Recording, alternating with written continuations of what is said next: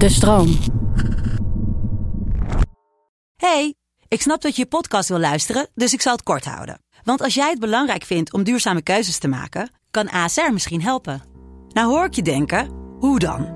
Nou, bijvoorbeeld bij het duurzaam herstellen van schade. Of de premies die we beleggen volgens ons duurzaam beleggingsbeleid. Dat bepaalt waar we wel en juist niet in investeren. Wil je meer weten over welke duurzame keuzes ASR maakt? Ga dan naar asr.nl slash duurzame keuzes. ASR doet het. Zo, dan kan je nu lekker naar je podcast luisteren. Spreekt jou dit persoonlijk zo aan omdat jij, zeker sinds je terug bent uit Amerika, zeg maar een heel groot object bent? En jouw lieftallige vriendin is een petit française, dus een heel klein object. Dus eigenlijk studeer jij hoe dat toch zo goed samen kan.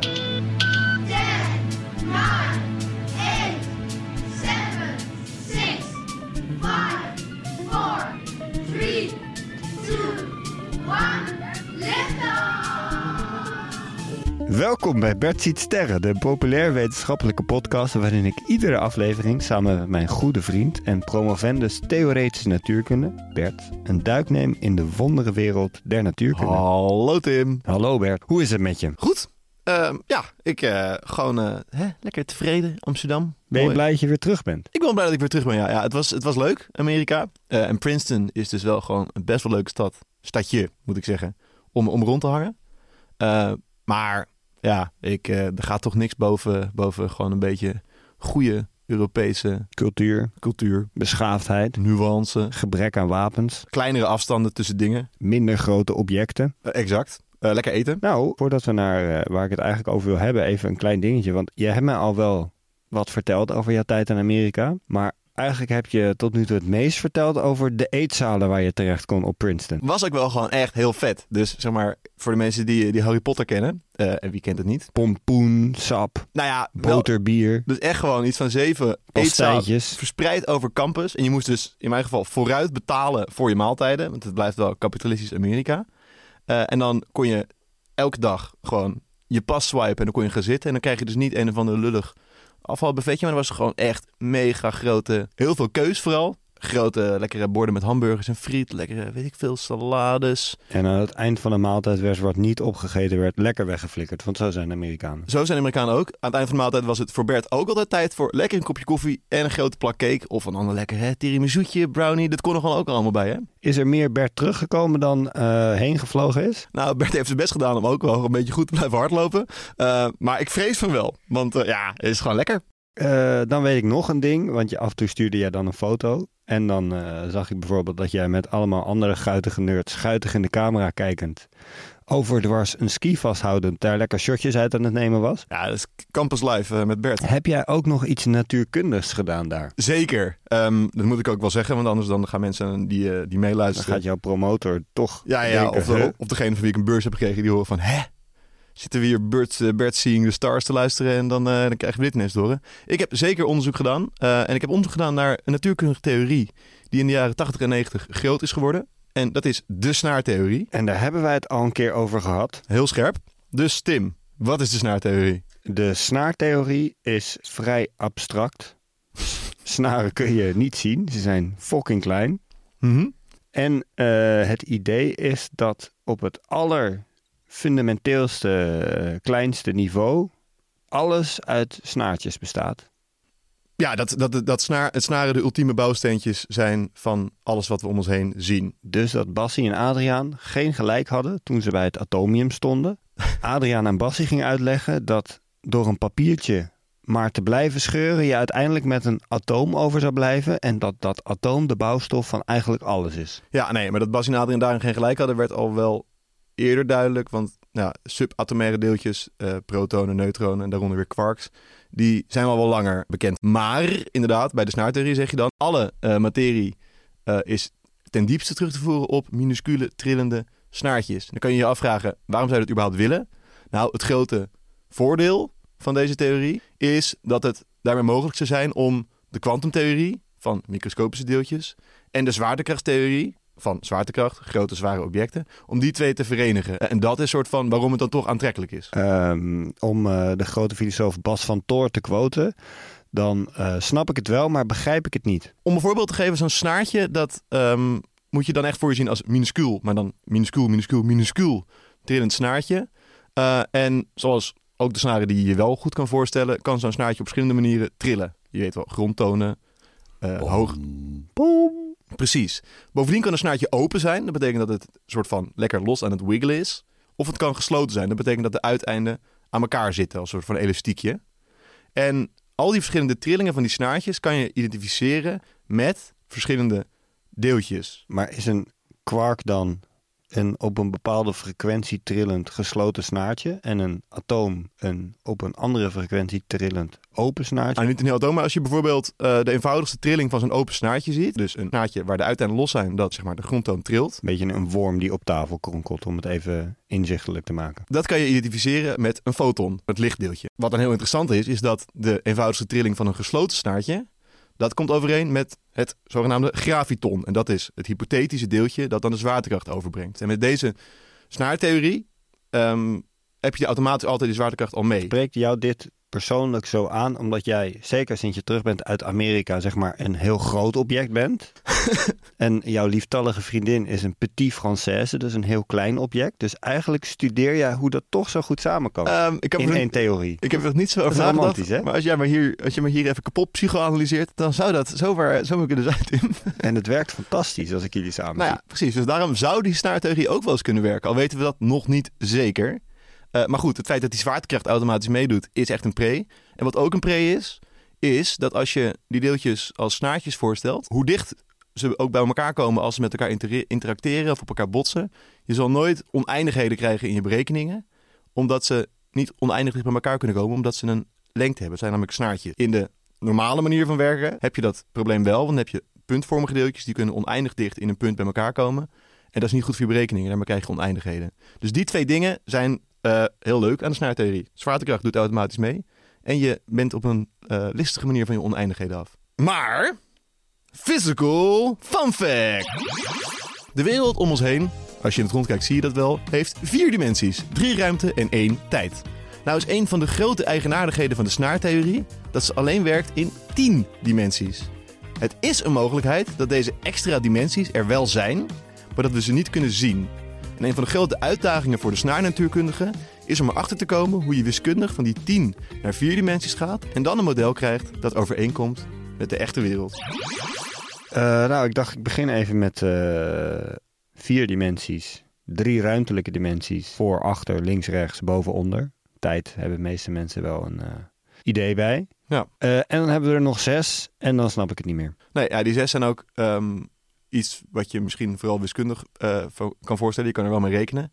Eh, en je hebt het dus op het niveau van de snaren. Dus die zijn ook zo klein dat die snaren sowieso maar die zijn zien. toch ruimtelijk? Ja, dus uiteindelijk zeg je dat je in je wiskundige beschrijving tien dimensies hebt die je uiteindelijk zo terugdraait naar dat je er eh, vier nog echt kan zien, ruimtelijk. De snaar is eigenlijk al een metafoor. Ja, dus de snaar is een behoorlijk theoretisch object. Maar in tien dimensies. Ja, maar dan uiteindelijk zo teruggebracht dat je er maar vier ervan kan waarnemen. Snap jij tien dimensies? Nou, Ben jij daar slim genoeg voor, Bert? ik zal niet zeggen dat ik eh, nu even fluitend een, eh, een mooie botsing eh doorsnede van twee snaren in tien dimensies eventjes ga opschrijven en ga uitrekenen. Ehm, ik zit natuurlijk vaak tussen de natuurkundigen, ook weer in Princeton. Ik ben dan niet de persoon die even een slimme vraag stelt waar zij allemaal van denken van... Oeh, nou, die Bert, Oeh, die negende dimensie, daar heeft hij wel echt een punt. Nou ja, of gewoon überhaupt, daar heeft hij wel echt een punt. Ik zit vooral te luisteren en het in me op te nemen. Dus laat ik zeggen, ik kan bijvoorbeeld een afleiding of een berekening... kan ik wel volgen welke stappen er gezet worden. Maar ik ben zeker niet, eh, ik doe zeker niet mee op het niveau waarop zij meedoen. Daar, daarvoor ben ik veel meer een, een toeschouwer. Want eigenlijk, wat we, ik introduceer jou de hele tijd als eh theoretisch natuurkundige. Mhm. Maar in dit onderzoek ben jij meer een historicus, amateurfilosoof. Nou, amateurfilosoof, hallo hallo, eh, ben ik een historicus die kijkt naar hoe natuurkunde zich ontwikkelt. En daarvoor moet je wel die natuurkunde Nou, snappen. dus je bent geen, überhaupt geen filosoof. Nou ja, en dan kan je van daaruit wat dingen zeggen die misschien wat filosofischer zijn. Want wat spreekt jou aan aan de jaren 80 en 90, behalve New Wave en, eh, en, en grunge? Ik kijk specifiek naar de snaartheorie in de jaren 80 eh, en 90 dan, omdat eh, de theorie toen voor het eerst ontwikkeld is. En omdat het een heel interessant moment is, omdat je ziet dat in de jaren 70, kijk, dat was echt gouden tijd. Toen had je eh, voor natuurkundigen dan, ik weet niet eh, hoe dat voor de rest zit. Oliecrisis, Nou, noem nog wat andere dingen. einde van het hippie-tijdperk, Ja, maar voor, de, vrouwenonderdrukking. voor natuurkundigen, die waren gek op de jaren 70. Toen is er theoretisch een model ontwikkeld, genaamd het standaardmodel van de elementaire deeltjes. Wederom, een mooie wiskundige, natuurkundige theorie. Eh, en die is experimenteel bevestigd. Dus dat is een soort van, en dat is nog steeds, staat het overeind, waarmee we alle elementaire deeltjes en de wisselwerkingen, de krachten daartussen, experimenteel kunnen beschrijven aan de hand van het model. En daarna, vrij vlot, kwam de vraag van... oké, ja, maar waarom dan dit model? Weet je wel? Bijvoorbeeld, je moet handmatig de massa's van de quarks invullen. Of je hebt eh, drie, soort van, drie generaties van hogere energie... heb je soorten deeltjes. En natuurkundigen die zaten toen van... ja, dat is allemaal leuk en aardig... maar wij zijn theoretici. Wij willen ook snappen waarom dit zo is. Dus wij willen eigenlijk een nog beter model... wat dan eigenlijk weer dit model verklaart. En daarom is de snaartheorie tot stand gekomen. En dat is, vind ik dan interessant om naar te kijken... Eh, omdat het ook iets zegt over hoe natuurkundigen werken. En hoe ze dan eh, met hun theorie aan de slag gaan. Even eh, elementaire deeltjes, dat is een beschrijving van hoe dingen die heel klein zijn werken, toch? exact, ja. Even terug uit Nederland naar de echte wereld vertalen. Ja. En dan is de vraag, daar moeten we nog wat dingen handmatig invoeren. Mhm, Dus ja. we willen iets waar alles in past. En dan nemen we ook gelijk het hele grote mee, namelijk zwaartekracht. Nou, dat is dan inderdaad was gewoon een mooie bonus. jaren 70 is natuurlijk ook een beetje de tijd van LSD gebruik en zo. hoe, hoe, je gaat met allemaal nerds bij elkaar zitten. Hoe kom je op 10 dimensies en snaren uit? Is dat waar jij je mee bezighoudt? Eigenlijk wel. Oké, leg ik de vraag even terug. Hoe kom je op 10 dimensies en snaren uit? Door wat ik net zeg, doordat, doordat het ineens blijkt te werken. Dus op het moment dat je eh, inderdaad een afweging maakt. Oké, één, we hebben nu dus een model waarmee we vanuit die snaren eh, misschien alle elementaire deeltjes plus die zwaartekracht allemaal kunnen verklaren. Nee, maar dat is op het moment dat je de theorie hebt en denkt, hier is zit misschien wat in. Maar hoe kom je op het idee van 10 dimensies en snaren? Trillende snaren. Dat is dan weer een ander verhaal. Dat is- eigenlijk is deze theorie eh, tot stand gekomen in weer een andere context. Ze waren namelijk bezig niet met het vinden van zo'n ultieme theorie die alles kon verklaren. Maar ze waren puur aan het kijken naar een wat kleinere theorie die een specifiek stuk elementaire deeltjes beschreef. En ja, daaruit kwam een wiskundig model tevoorschijn. Wat toen ineens bleek van hé, hey, maar dit eigenlijk weer hebben gebouwd is een model van snaren. Dus zo is dat, dat, dat model de wereld gekomen.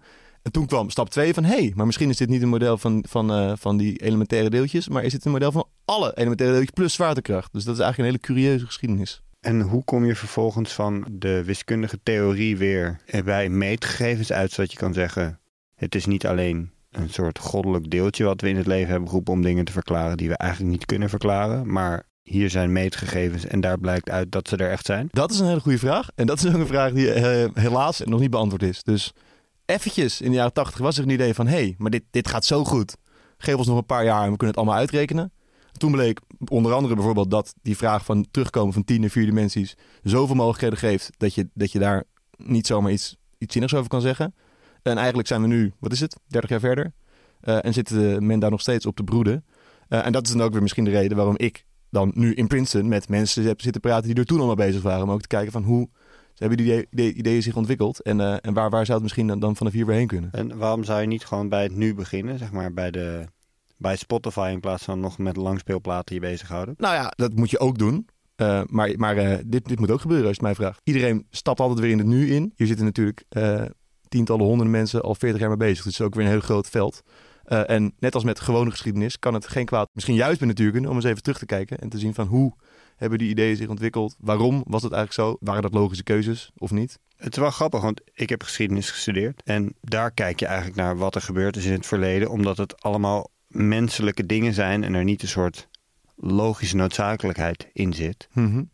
En daardoor wordt er door nerds zoals jij neergekeken op niet beta-wetenschappen. Maar eigenlijk zeg jij nu dat er ook bij in de natuurkunde dat het niet gewoon is dit zijn de meetgegevens, dit is de theorie 100% sluitend en door. Nee. Maar dat er heel veel mensenwerk en gokken en gissen en theorieën en ontwikkeling in zit. En dat het eigenlijk veel minder harde wetenschap is dan je op het eerste gezicht zou verwachten. Ja, nou, veel de harde wetenschap, weet ik niet of ik het zo zou zeggen. Maar inderdaad ben ik wel helemaal met je eens dat, dat gokken, eh, gissen, uitproberen, dat zit er heel erg in. En de grap van natuurkunde is dan wel dat zodra er eenmaal consensus is, zodra mensen het helemaal eens zijn, ja, dan zullen ze altijd zeggen, hè hè, nogal wie dus, natuurlijk werkt het zo. En juist daarom is het soms goed om even terug te kijken van oké, maar hoe ging dat dan? En wat is uiteindelijk het punt van jouw onderzoek? Heb je daar al iets over? Nee, want ja, ik ben nog anderhalf jaar bezig. Dus de, als je een proefschrift schrijft, dan eh, ben je tot, eh, tot het einde ben je eh, wanhopig omdat je niet weet wat je precies gaat zeggen. En uiteindelijk komt er een heel, heel zinnig verhaal uit. Dan spreek ik je over anderhalf jaar graag voor het eindresultaat. Ik hoop dat ik je nog wel iets eerder weer spreek, Tim. Even voor nu. Weet ik inmiddels genoeg van wat jij in Amerika hebt gedaan buiten je te buiten gaan aan buffetten en shotjes uit skis? Ja, over het natuurkundige gedeelte. Eh, ik kan nog een heel boekje opentrekken over alle andere dingen, maar dat doen we wel een andere keer. Ik denk ook dat eh, jouw moeder dat niet leuk vindt om te horen. Ik weet niet of ze luistert, maar wat jij daar allemaal gedaan hebt, wat ik ook niet. niet ga zeggen. Tjonge, jonge, jonge, jonge. Goed, dan ehm, start ik mijn Supersonic Sports Watch. Ik stap de Space Elevator lift in.